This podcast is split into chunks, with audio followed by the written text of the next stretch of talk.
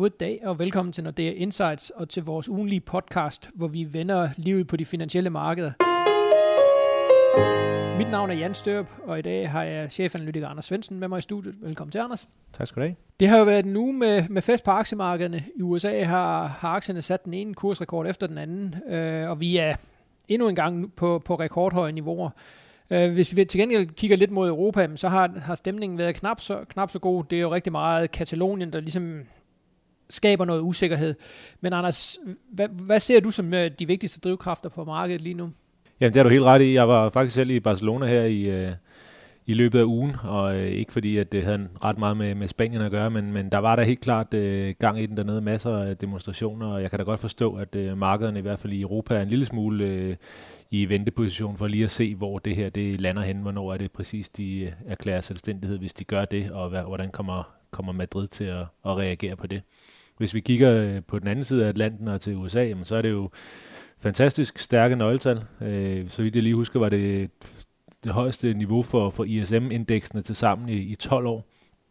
Så er jo fuldstændig, øh, fuldstændig vanvittigt også i, i betragtning af, at der har været orkan og så videre.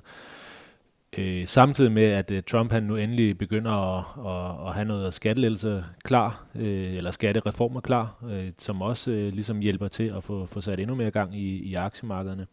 Og så øh, den sidste helt store drivkraft, det er jo så øh, valget af, af en eller anden afløser fra, for, for Jellen som amerikansk centralbankchef. Ja, så vi ser vel et eller andet sted momentum skift igen. Altså i en periode har det været på Europa, hvor man ligesom har, har fokuseret på de stærke nøgletal ud af Europa, hvor der har været noget usikkerhed øh, omkring væksten i USA, omkring Trump og alle de her ting. Og der kan vi jo ligesom se, at momentum nu skifter tilbage, hvor det ligesom er USA, der, hvor vi får de rigtige, eller i hvert fald bliver overrasket over så stærke nøgletallene, og måske også får, får noget mere politisk stabilitet, hvor, hvor usikkerheden er rykket til Europa. Så, så igen, vi får det her skift i momentum. Ja, det er som om, det er vendt fuldstændig på hovedet, og det kan man jo også se på, på euro-dollar, som, som måske er det bedste mål for det. Uh, euro-dollar begynder at bevæge sig nedad, eller dollar-danske opad, at uh, dollaren bliver, bliver stykket over for, for kronen, og det er jo selvfølgelig helt klart et tegn på, at, uh, at Europa igen lider lidt under nogle, nogle ting, der ikke rigtig har noget med, med den her økonomi at gøre, eller de her økonomier at gøre, fordi der ser det jo også stadigvæk godt ud i Europa, men, øh, men USA til gengæld er kommet ud af, af en periode med, med højere politisk risiko end, end normalt. Mm. Og man kan sige, at et eller andet sted er det jo også godt for, for Europa, også for Danmark, hvis vi kan få en, en lidt stærkere dollar, fordi det er jo noget af det, som kan hjælpe væksten yderligere på vej. Altså hvis vi kigger på de danske virksomheder, vi er jo ekstremt eksponeret over, hvad der, over for, hvad der sker i dollaren, så, så en lidt stærkere dollar vil ikke gøre noget for de danske virksomheder. Nej, og man kan selvfølgelig også, øh, vi kan anbefale det skriv, som, øh, som Johnny han har lavet i, i løbet af ugen med, med valget af den næste centralbankchef. Øh, for Jellens øh, Jellens periode udløber her i januar, og, og der skal Trump jo øh, øh, i hvert fald indstille en, en ny kandidat, og øh, han har jo haft nogle, nogle samtaler, og det har der jo været en del, øh, del snak om, hvem der så kunne kunne blive afløseren, men det der ligesom er, er hovedbudskabet er nok, at det er svært at finde en, der er lige så, øh, så duagtig som, som Jellen. Jellen var jo på det tidspunkt, hvor hun blev valgt, den absolut mest duagtige i, i det FMC, der var på det tidspunkt. Så det, det er nok svært at, at, at finde nogen, som, som på en eller anden måde ikke kommer til at, at, at ligne en, der skal have renterne lidt højere op, end, end hvor de er i dag. Den eneste, der er nævnt, det er Kaskai, som, som jo er, er endnu mere duagtig end, en Jellen, og øh, det, det tvivler jeg nu lidt på, at det er Johnny heller ikke engang nævnt i, øh, i rapporten der, så, så det er ikke blandt, øh, blandt favoritterne, men, men stort set alle, alle andre kandidater vil jo højst sandsynligt betyde højere renter i, i USA. Og det, og det ser vi jo allerede, markederne begynder ligesom at forberede sig på. Altså vi kan jo se bare her over den sidste uge, altså renterne er blevet ved med at stige i USA, hvorimod hvis vi kigger mod Europa, jamen så i, i Tyskland og Danmark for den sags skyld, jamen der har de jo ligget flat, og måske endda med en, en lille pil nedad, øh, på grund af den her politiske usikkerhed, og Tværtimod så øh, både i Spanien og Italien er renterne jo steget. Altså, så, det er, så igen, altså det her momentum, der skifter øh, mm. fra Europa over til USA, og så øh, hele spørgsmålet om Katalonien, der rammer, der rammer Sydeuropa igen. Men hvis vi skal kigge frem mod den kommende tid og prøve at snakke lidt om, hvad der, hvad der kommer til at drive markedet fremadrettet, så skal vi vel holde et, øh, et, et øje med Kina og tingene derude. Ja, nu øh, er det måske en lille smule tidligt stadigvæk i forhold til den her partikongres, men altså det er den 18.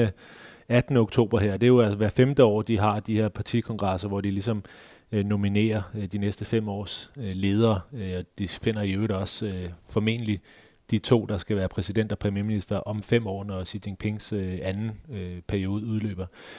Men vi lavede faktisk et øh, lille webinar her til, til morgen, og når den her podcast kommer ud, så er der højst sandsynligt også kommet en, øh, en, øh, en afspilning af, af det her webinar ud, så det kan jeg da godt anbefale, at man, øh, at man lytter ind på.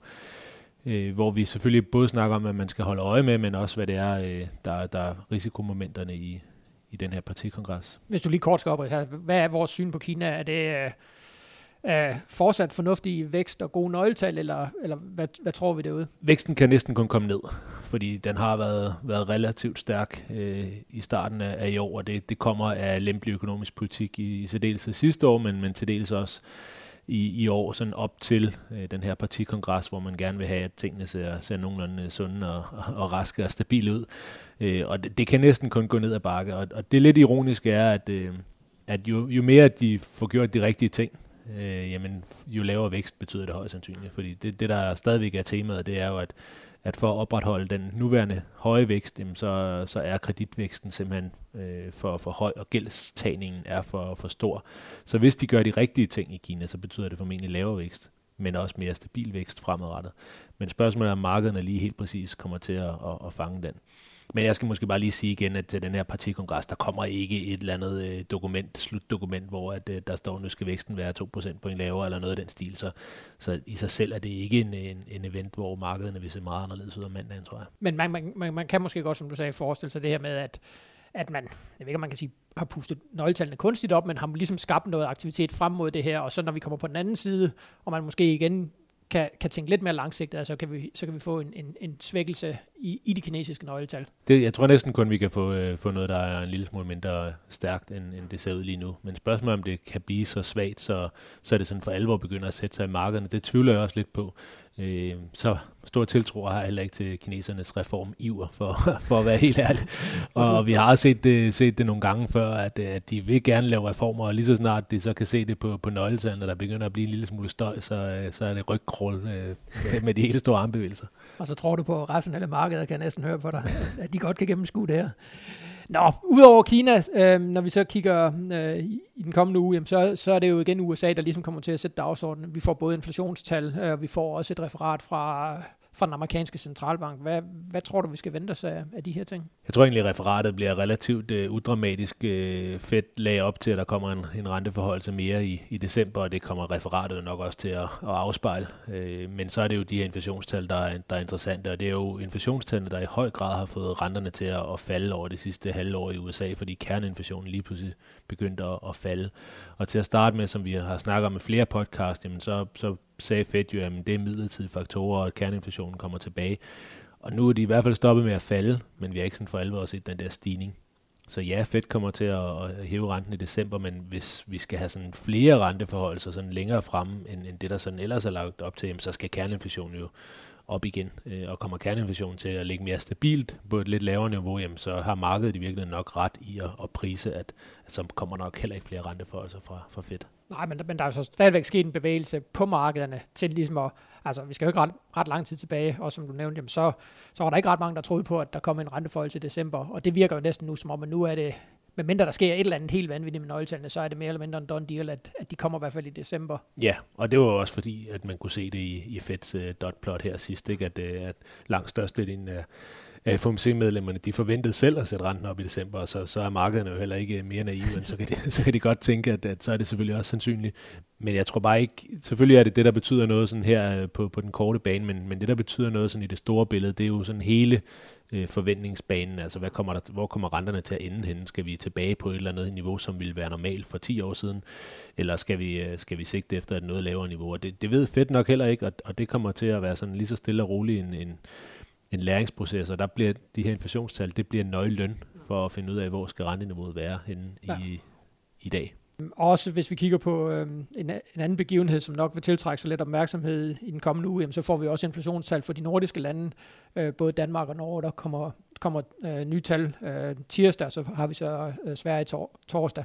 Og når vi kigger rundt omkring, også på de nordiske lande, så er det vel som om, at inflationen stille og roligt kravler højere. Altså vi har jo set dansk inflation over de sidste to måneder, er vi oppe på 1,5 procent. Igen, vi skal jo ikke ret lang tid tilbage, jamen, så lå inflationen og, og rodet rundt ned omkring en halv procent. Så, så der er sket et skifte, og noget af det vil man selvfølgelig sige, at det er midlertidige faktorer. Vi har lidt højere oliepris, stigende benzinpriser. Vi har også set fødevarepriserne begyndt at stige.